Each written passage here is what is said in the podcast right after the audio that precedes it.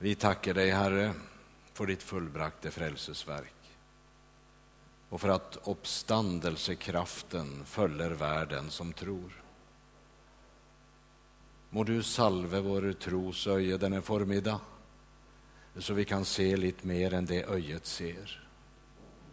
Förnämmer noe ifrån evighetens världen. Bli vidrört av Gud och förvandlas till ett heligt liv. Det ber vi Jesus. Amen. Vi ska läsa från Lukas kapitel 10, vers 38 till 42 i Jesu namn. Medan de var på vandring kom Jesus in i en landsby och en kvinna vid namn Marta tog emot ham i sitt hus. Hon hade en syster som hette Maria. Hon satte sig vid Jesu fötter och lytte till hans ord. Men Marta var travelt upptatt med allt det som skulle ställas i stand. Hon gick där bort till dem och sa, Herre, bryr du dig icke om att min syster har latt mig bli alene med att tjäna dig? Sida till henne att hon ska hjälpa mig. Men Herren svarte och sa till henne, Marta, Marta, du gör dig strev och uro med många ting, men ett är nödvändigt. Maria har valt den gode del som icke ska bli tatt fra henne. Amen.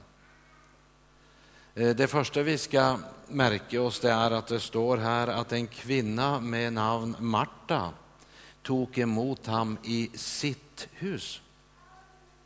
Det är många ting som tyder på att det är Marta som äger huset. Selv om Maria också bor där samman med henne. Men visst det här nu är Martas hus, eh, var är mannen i huset? Vi tänker kanske inte på det, men det som förtälles här det är faktiskt ganska ovanligt i Israel vid denna tid. Och både från denna text och från andra förtällningar i Johannes evangeliet så är det uppenbart att det är Marta som är husvärt, det vill säga det är hon som äger huset. Men hur blev det här huset hennes?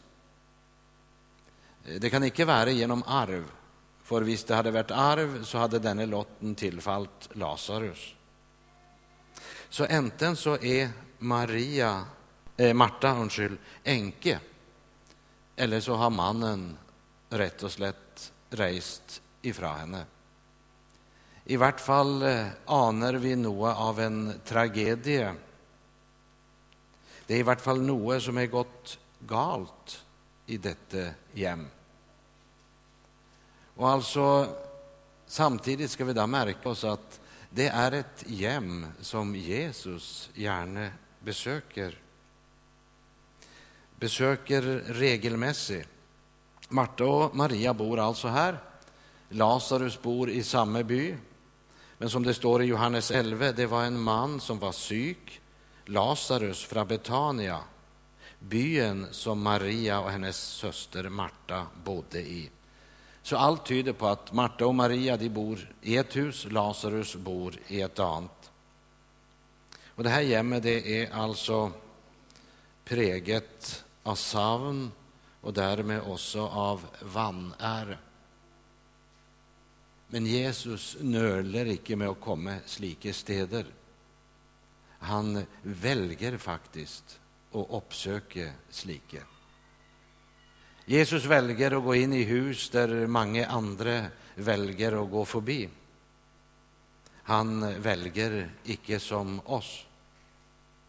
Vi är ju efterhvert blivit så fina i Guds menighet, så de som plöjde att samlas runt Jesus, de tör snart icke att komma. I begynnelsen av kapitel 10 så får vi höra att disciplerna kommer tillbaka och säger Herre, till och med de onde onder adlyder oss. De hade varit sänt ut på uppdrag och de kommer tillbaka och de är helt begeistrade och säger Jesus, till och med de onde onder adlyder oss. Och då säger Jesus, gled dere icke over at åndene adlyder dere, men gled dere över att deras namn är skrivet i himmelen. Hvor lätt är det icke att vi bebreider disiplene, men vi, vi har inte så lite av samma sinn, dessvärre. Vår fallna natur har lätt för att bli upptatt med fel ting. Och då bleknar det lätt det som är mest nödvändigt. Och så blir vi väldigt upptagna av det som inte är så nödvändigt, men vi tror det är det. Och vi anar att Marta är typen som är upptatt för att sörja för att allt ska fungera. Alltså I det här huset ska det inte vara något utsätta, varken på det ena eller det andra. Och sedan hon inte har någon man att stötta sig till så må hon ju själv bära sitt ansvar och göra sin plikt. Och inte bara slik att huset fungerar, men eh, det ska i vart fall fungera minst så gott som det gör andra städer, för det är ju viktigt vad folk tänker. Där märker man kulturforskjellen alltså.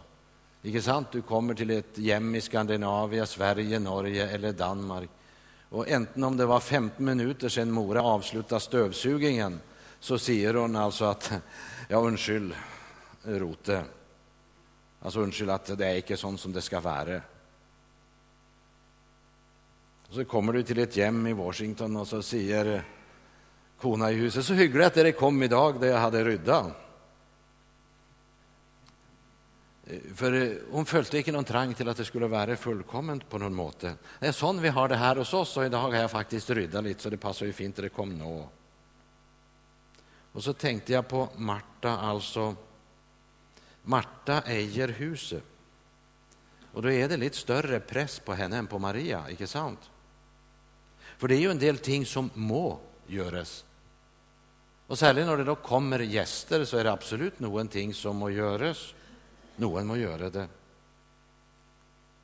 Men olyckan är att hon er blivit så opptatt av att tjäna Jesus och de som följer honom att hon er icke längre mottaglig till att ta emot det Jesus vid sitt besök ville ge henne. Det går hon glipp av. For med en gång Jesus kommer in døra, så börjar han ju snacka till de mennesker som er kommit. Och Marta hon ser på ingen måte tillfreds ut, även om Jesus är kommit. Det är som jag hör Martas tysta tanke. Ja, det verkar inte som Maria ägnar en tanke på hur mycket ansvar jag har.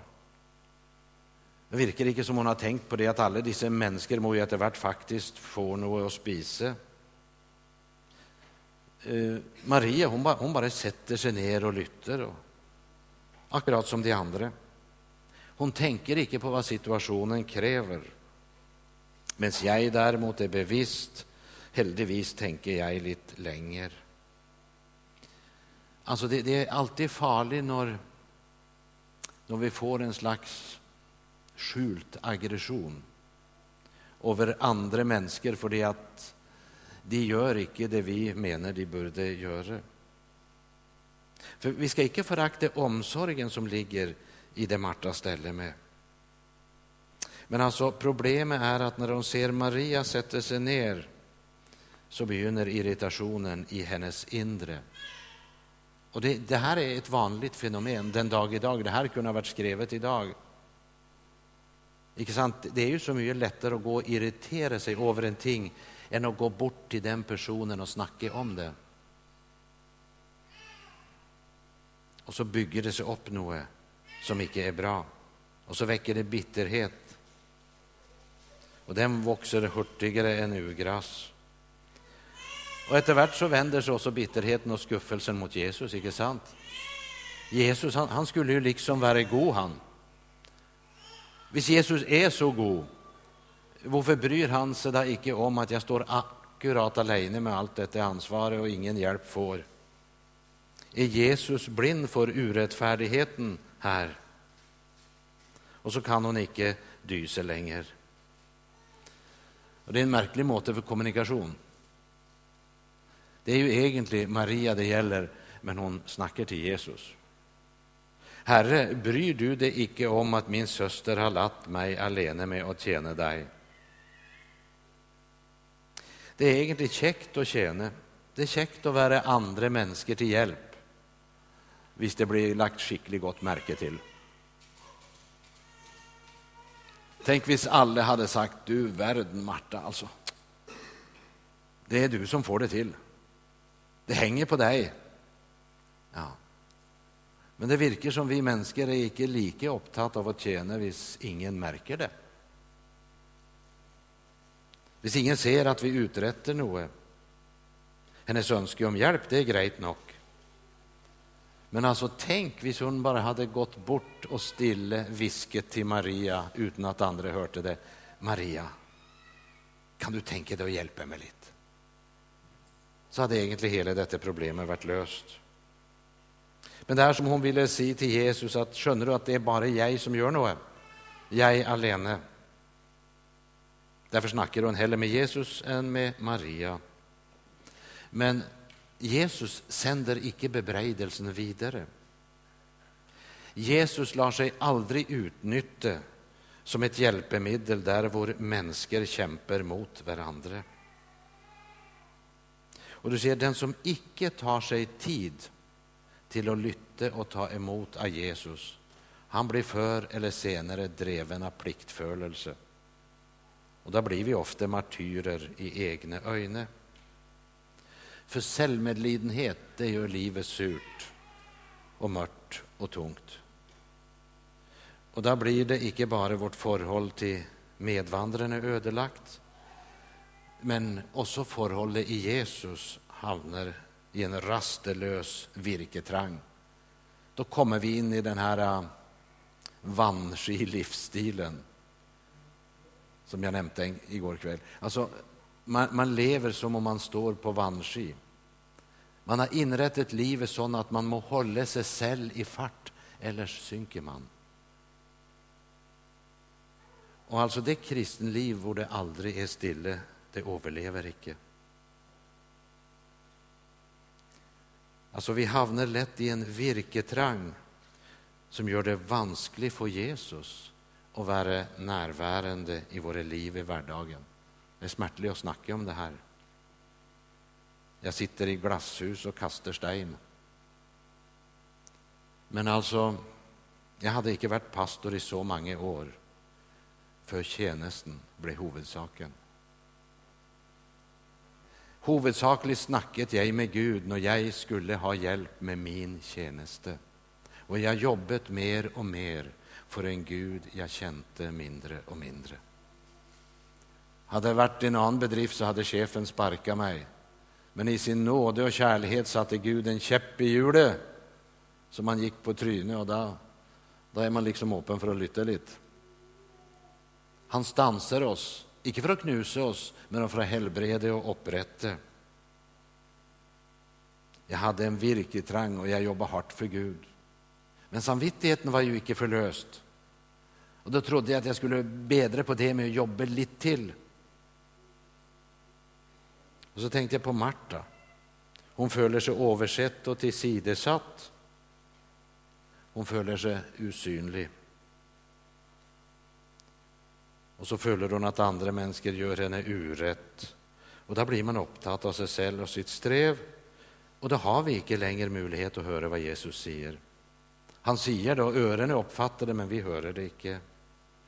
Icke för det att vi inte vill eller icke menar att det är viktigt det han säger, men för att vi är så travelt upptatt att vi inte längre kan prioritera och bara sätta oss ned. Och då man hamnar i det köret, då blir det gärna så att när kvällen kommer och det äntligen är lite tid till ro och stillhet så väljer man inte samtalen om Gud och Bibeln, men man väljer fjärrsyne. Och så förvandlas man till det bilder man ser. Jag vet det är, ligger något i det som en broder sa, att det är för få som gör allt för mycket och för många som gör allt för lite. Men likväl är det viktigt att vara på vakt så vi icke kommer in i den där Marta-stämningen. För när den begynner att förorensa vårt sinn då ödelägger det både menighetens fällskap och hemmets atmosfär. Och då blir det så att det som skulle vara ett möte mellan mennesket och Jesus. Det blir i en maktkamp mellan trossösken. För då börjar vi att betrakta varandra i för att se på Jesus. Och då är det lätt att uppdaga varandras fel. Sannolikt. Inte sant? Du vet oss det är med en fotbollskamp, En liten grön rektangel där 22 amatører kjemper for livet, og rundt omkring sitter 5000 profesjonelle som kan alt så mye bedre. De ser alle feil som blir gjort, for de har så utrolig god tid til det, for de deltar ikke i kampen.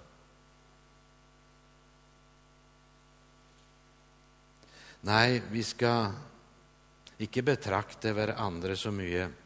Kom ned fra tribunen. Kom med i striden, delta i kampen, så får du inte så stora problem med feil de andra gör. Jag tror Marta betraktar sig själv som ett offer i sitt förhållande till systern Maria. Men kanske kommer det dypest sett av hennes förhållande till Jesus. Hon ser icke Jesus som någon som kommer för att ge henne något. Hon ser på Jesus som en som hon ska betjäna. Kan säga så när, när, när Jesus kommer till det här huset, då betraktar Marta sig själv som hotellchef. Och allt som fyller tanken, är att han ska jammen få, så han blir förnöjd och få god service, och det ska de som lytter till honom också få. Och så skönner hon inte det att Jesus önskar egentligen Marta själv, icke hennes tjänste. Slik att den bästa måte hon kan ära han på, det är och sätter sig ner och tar emot det han vill ge. En dansk broder som heter Nils Nyman Eriksen, han sa något som jag har skrivit ner. Han sa det sånn Marta tror att hon icke får satt sig ned och lytte till Jesu ord fördi hon har det så travelt. Men, säger han, hon har det så travelt fördi hon aldrig väljer att sätta sig ner och lytte till Jesus. Stackars Marta, hon grejer icke att samlas om det som är kärnan i forholdet till Jesus, nämligen det han ger, icke det vi gör. Det var en som såg i syvende sansen min, och så sa han åh, såg på denna hösten och sa åh, nu må du passa dig så du icke blir utbränd, alltså, du ska ha något att ge varje kväll. Nej, så jag jobbar icke sånn. Jag är icke utgiver. jag är mottaker. Det är livet, det. Jag får av han. men jag må jobba med saken så jag inte kommer väck från den disciplin. Det går inte av sig själv. För ellers blir man uppslukad av det perifere. Och det var dubbelt tragiskt när det gällde Marta för att hon var ju virkelig en mester i å skape gode rammer for de som ville lytte til Jesus. Och Det är en allvarlig sannhet att det som i Guds ögon väger mest, det är i grunden inte först och främst vad vi gör eller hur mycket vi ger, men vår del och varför vi gör det. Marta grejde ikke selv och satte sig ned og slike mennesker som ikke har tid til stillhet i sitt liv, de blir ofte veldig flinke på å gi andre dårlig samvittighet. Sannsynligvis så hørte Maria Martas irriterende ord til Jesus. Men jeg tror langt før det hadde hele kroppsspråket og blikket fortalt henne hvor irritert Marta var. Hon fikk sikkert noen blikk fra de andre som var samlet også. Den här texten kunde varit skrivet idag, som jag sa. För det som kännetecknar vår tid, det är faktiskt förväntningen att vi ska vara effektiva. Ikke sant? Det, hela vår kultur är blivit sånn. Så när ett människa idag ska presentera sig, vem han är, så säger han gärna namnet och så sitt yrke. Sånn har det inte alltid varit.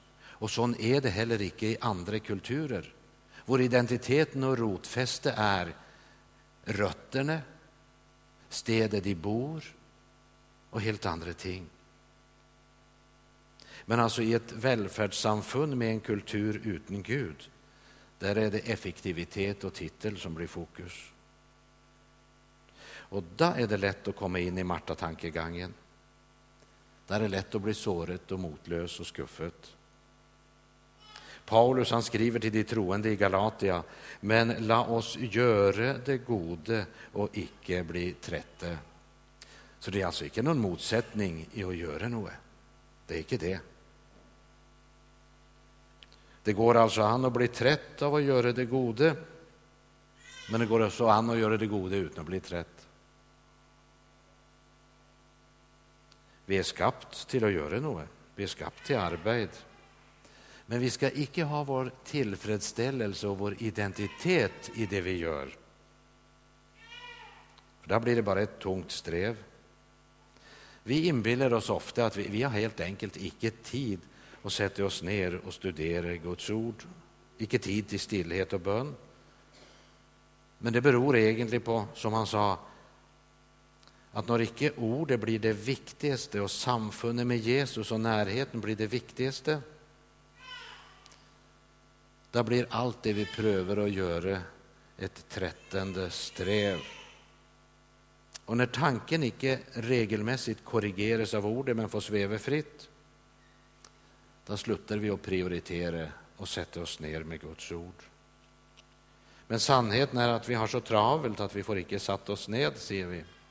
Men sannheten är för det vi icke har satt oss ner så skapar vi ett travelt liv.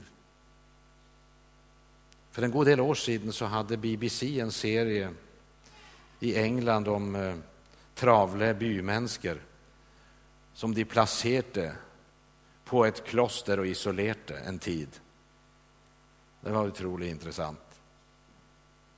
Och liksom alla klagade över att de levde ett så stressigt liv och de hade så mycket att göra.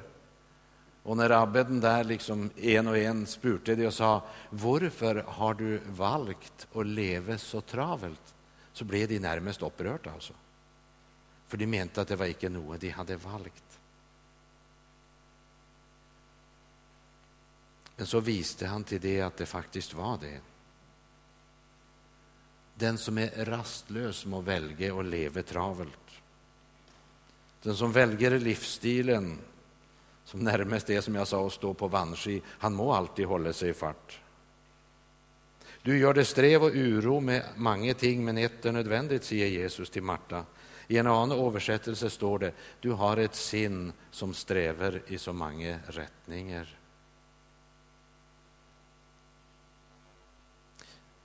Vad är det hos andra människor som intresserar oss mest? Och varför är det det som intresserar oss? I våra kyrkor, och menigheter och organisationer idag så finns det nog en och annan Marta-natur. Men tiderna har förändrat sig lite så egentligen tror jag att det blir fler och fler som blåser i ansvaret. Det blir inte fler och fler som väljer som Maria, den gode del. Men nu väljer man bort bägge delarna. Vi ska starta en ungdomsklubb där. Kanske du kan vara med annanvär torsdag? Ja, alltså, jo, jag, jag, ska väl vara med, men jag kan ju icke binda mig. Nej. Det inkräktar på min frihet. Det är fler och fler som blåser i ansvaret och heller icke sätter man sig ner och vad blir det där igen? Då får man ett sinn som strävar i så många rättning. Reformatorn Luther han sa något som var värt att ta vara på. Hör här. Luther säger sån. Jag har hållit många ting i händerna mina och jag har mistet dem alla. Men det jag har lagt i Guds händer, det har jag framdeles. Eller som Jesus sa, den som vill berga sitt liv, han ska mista det. Men den som mister sitt liv för min skull, han ska finna det. Det är ingen tröst att vi icke stressar och arbetar som Marta, hvis vi likevel icke stanser vid ordet. När jag var nyomvänt så hade vi en man i bygden, han hette Gustavsson. Jag trodde han var en skrulling. Men jag lärde att han var en Guds profet. I begynnelsen log jag lite av honom för det att han sa samma ting varje gång jag mötte han.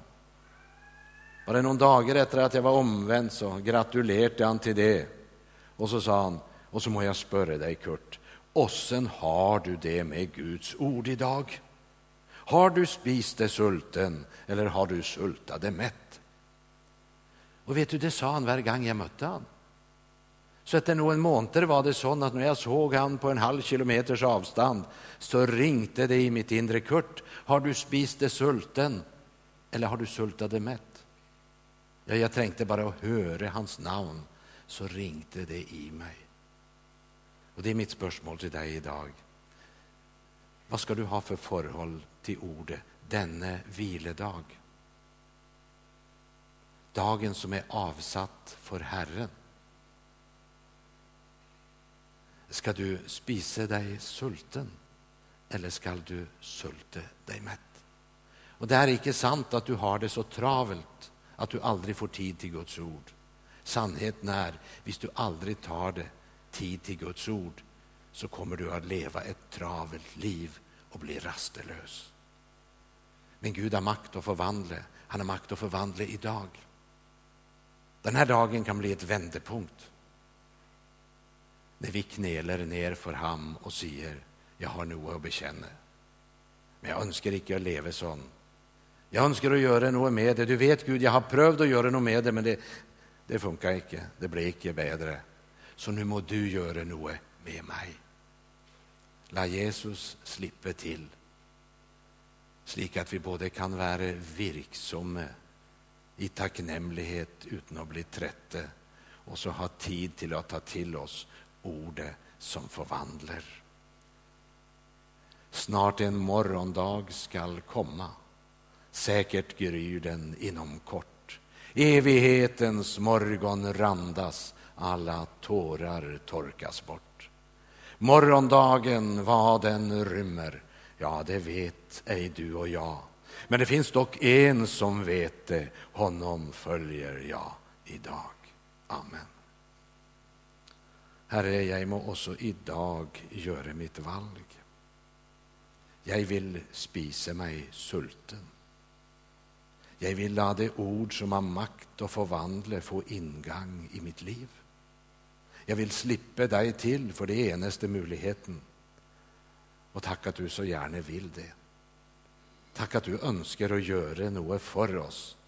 Hjälp oss att vara mottagliga för din godhet. Amen.